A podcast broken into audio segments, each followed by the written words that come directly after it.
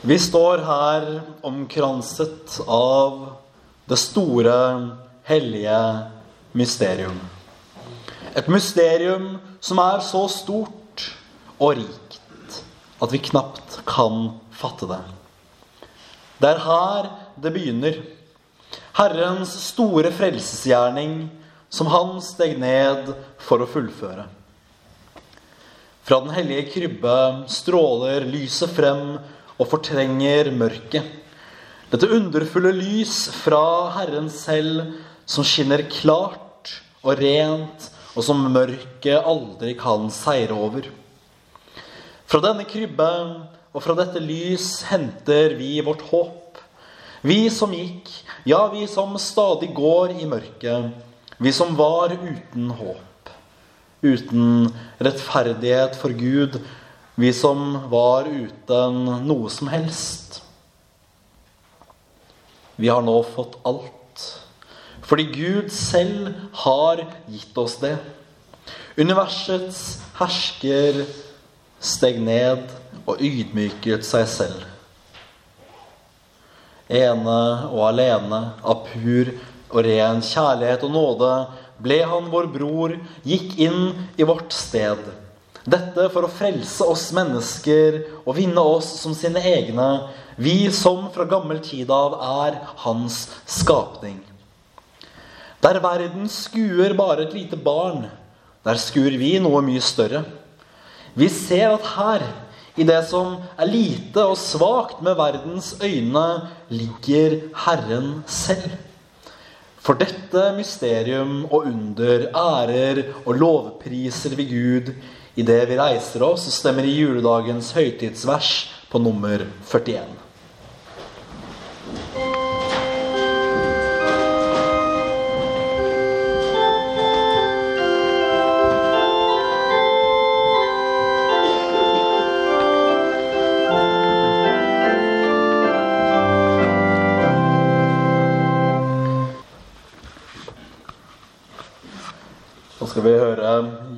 juledagens evangelium slik det står skrevet i det første kapitlet til evangelisten Johannes. I opphavet var Ordet. Ordet var hos Gud, og Ordet var Gud. Han var i opphavet hos Gud. Alt vart til ved Han, og uten Han vart ikke noe til. Det som var til i han, var liv, og livet var lyset for menneska. Lyset skinner i mørket, og mørket har ikke overvunnet det. Et menneske sto fram, utsendt av Gud. Navnet hans var Johannes. Han kom for å vitne. Han skulle vitne om lyset, så alle kunne komme til tru ved han. Han sjøl var ikke lyset, men han skulle vitne om lyset. Det sanne lyset som lyser for hvert menneske, kom nå til verda.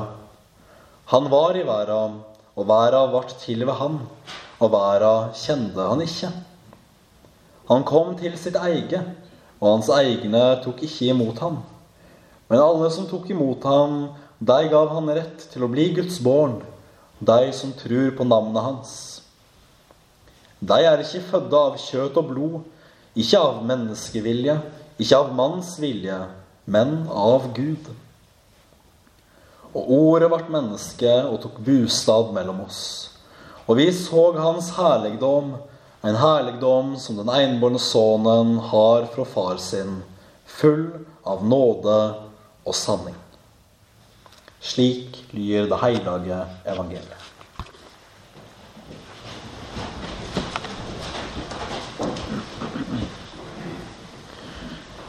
Hellige Fader, hellige oss i sannheten. Ditt ord er sannhet. Amen.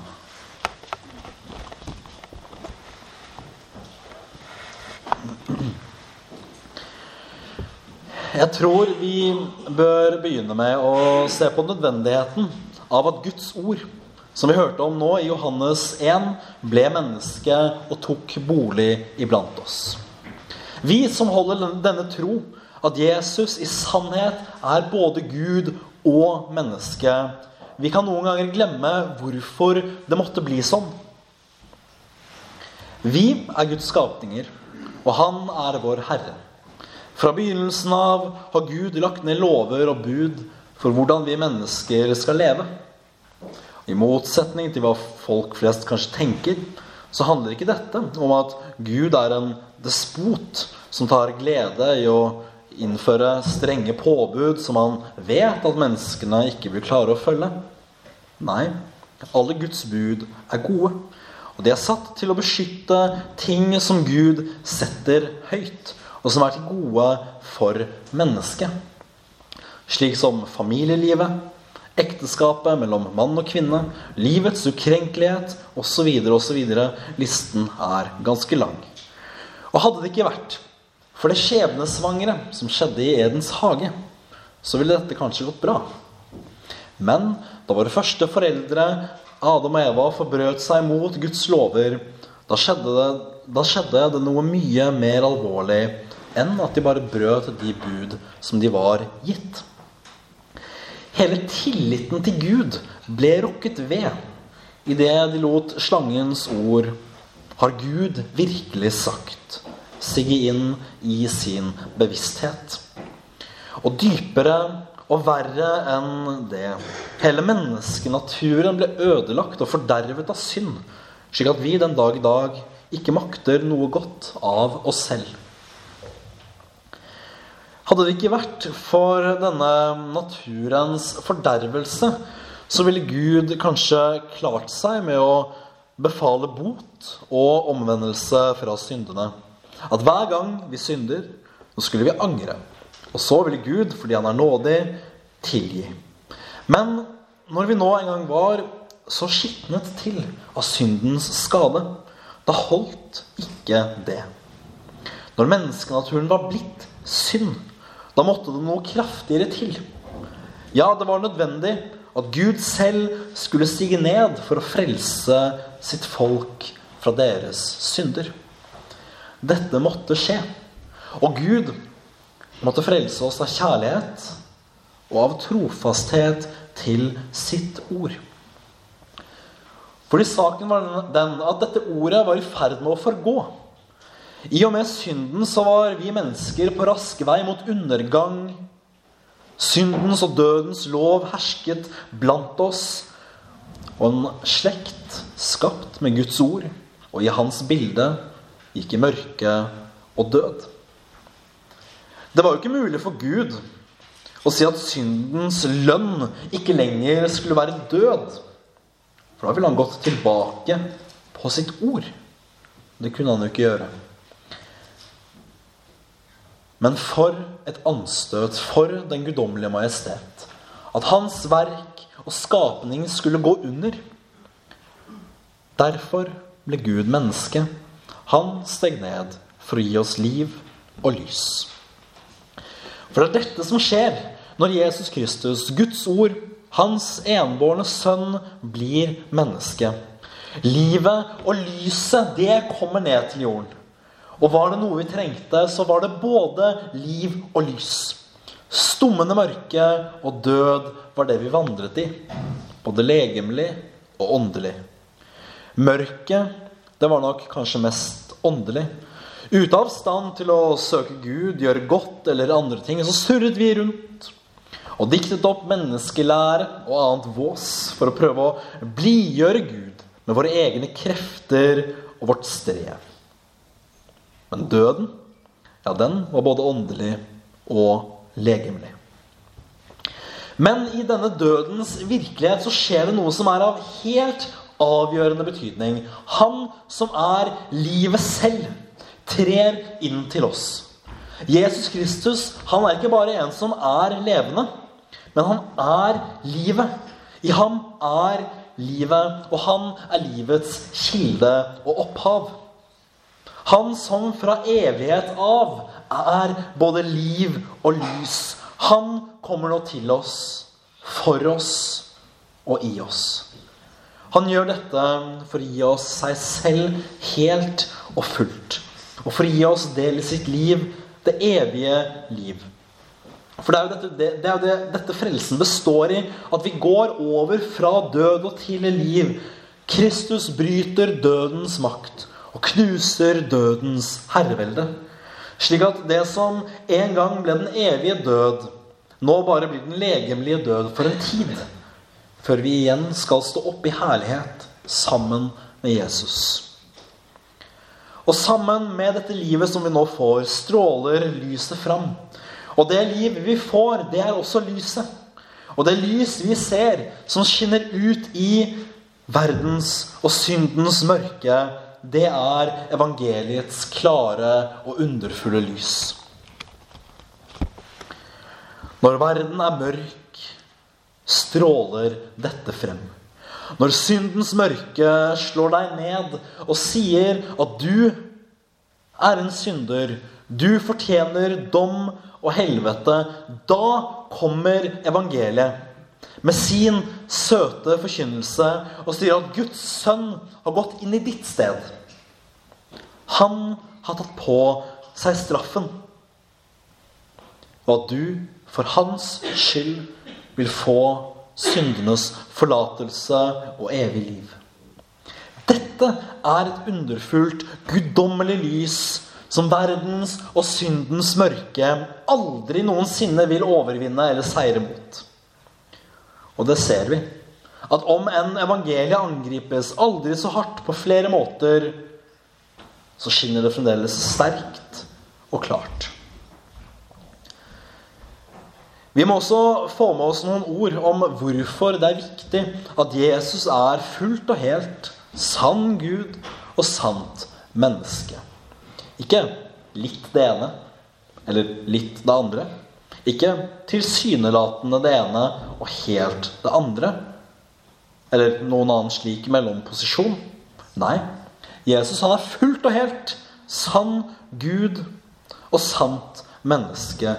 Guds sønn tok på seg kjød, eller tok på seg kropp, og ble oss lik.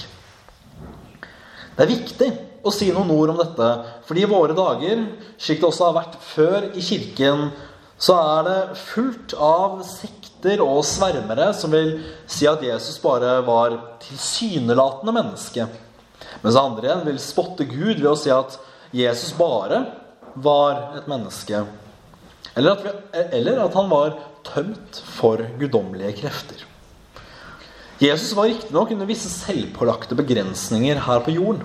Men alle mirakler og alt han gjorde, det gjorde han som gudmenneske, Jesus Kristus, slik vår kirkefader Atonasius sier det. Og dette er viktigere enn man kanskje tror. Jeg sier ikke det her bare for moro skyld. Fordi som menneske måtte Gud gå inn for å kunne tre inn i vårt sted og slik ta på seg straffen for våre synder. Det var jo menneskeheten som hadde fordervet seg selv ved synden, som hadde tatt, fått straffen på seg. Derfor måtte Gud gå inn i dette som menneske. Så han kunne sone som et menneske. Det var menneskeslekten som måtte forsones med Gud. Og det måtte et menneske gjøre. Men for at Jesu død og blod kunne ha det man kaller en ubegrenset soningskraft. Litt sånn eh, komplisert eh, terminologi, kanskje, men altså, det betyr at så han skulle ha evne og kraft til å frelse hele verden med det han gjorde, så måtte han samtidig være Gud. Det at Gud selv gikk i døden for oss og sonet våre synder, det viser oss først og fremst hans store nåde og kjærlighet til oss i Jesus. Men også at når Gud tok på seg straffen, da hadde det virkelig kraft til å forsone oss med ham selv. Og ordet ble kjød og tok bolig iblant oss. Det er dette vi samles om. Det er dette som er det store sentrum i julehøytiden som vi nå er inne i. Her ligger evangeliets kraft, men også dets anstøt.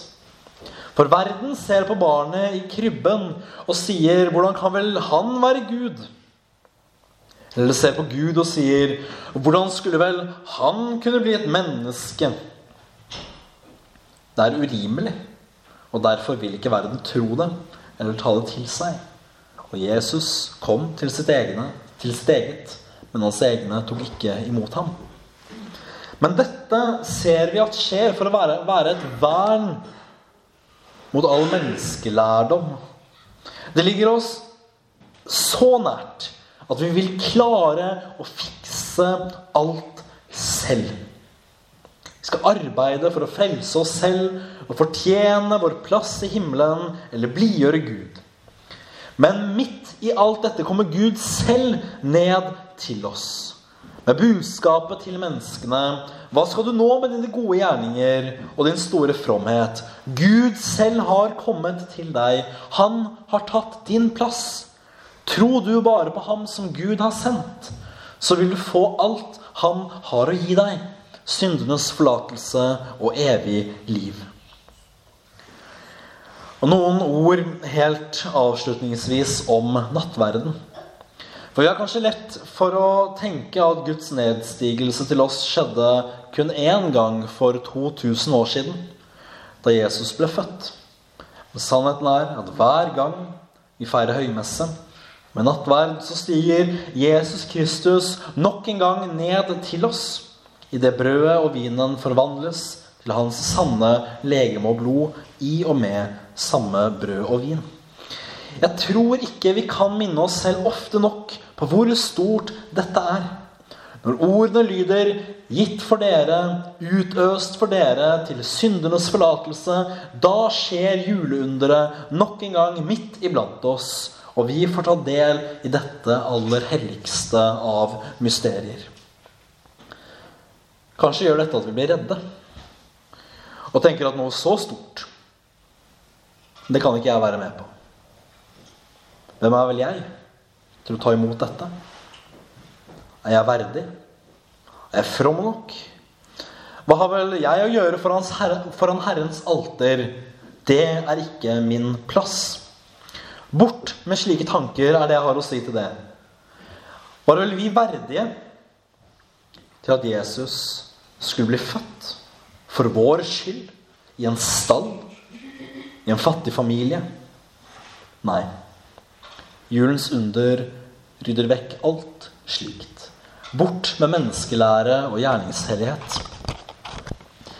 For under nattverden, som i julenatten, så kommer Jesus til oss for å gi oss av seg selv. Han gjør det ikke fordi vi fortjener det.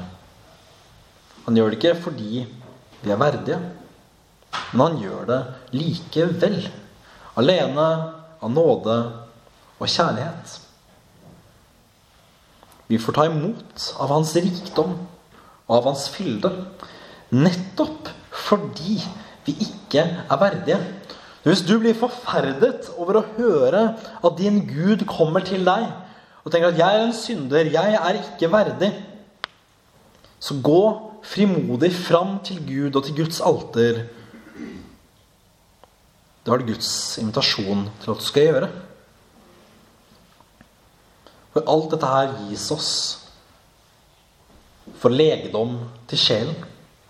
Som Jesus selv sa, det er ikke de friske som trenger lege det er de syke. Og her kommer den store himmellegen til oss. Gud er kjærlighet og nåde.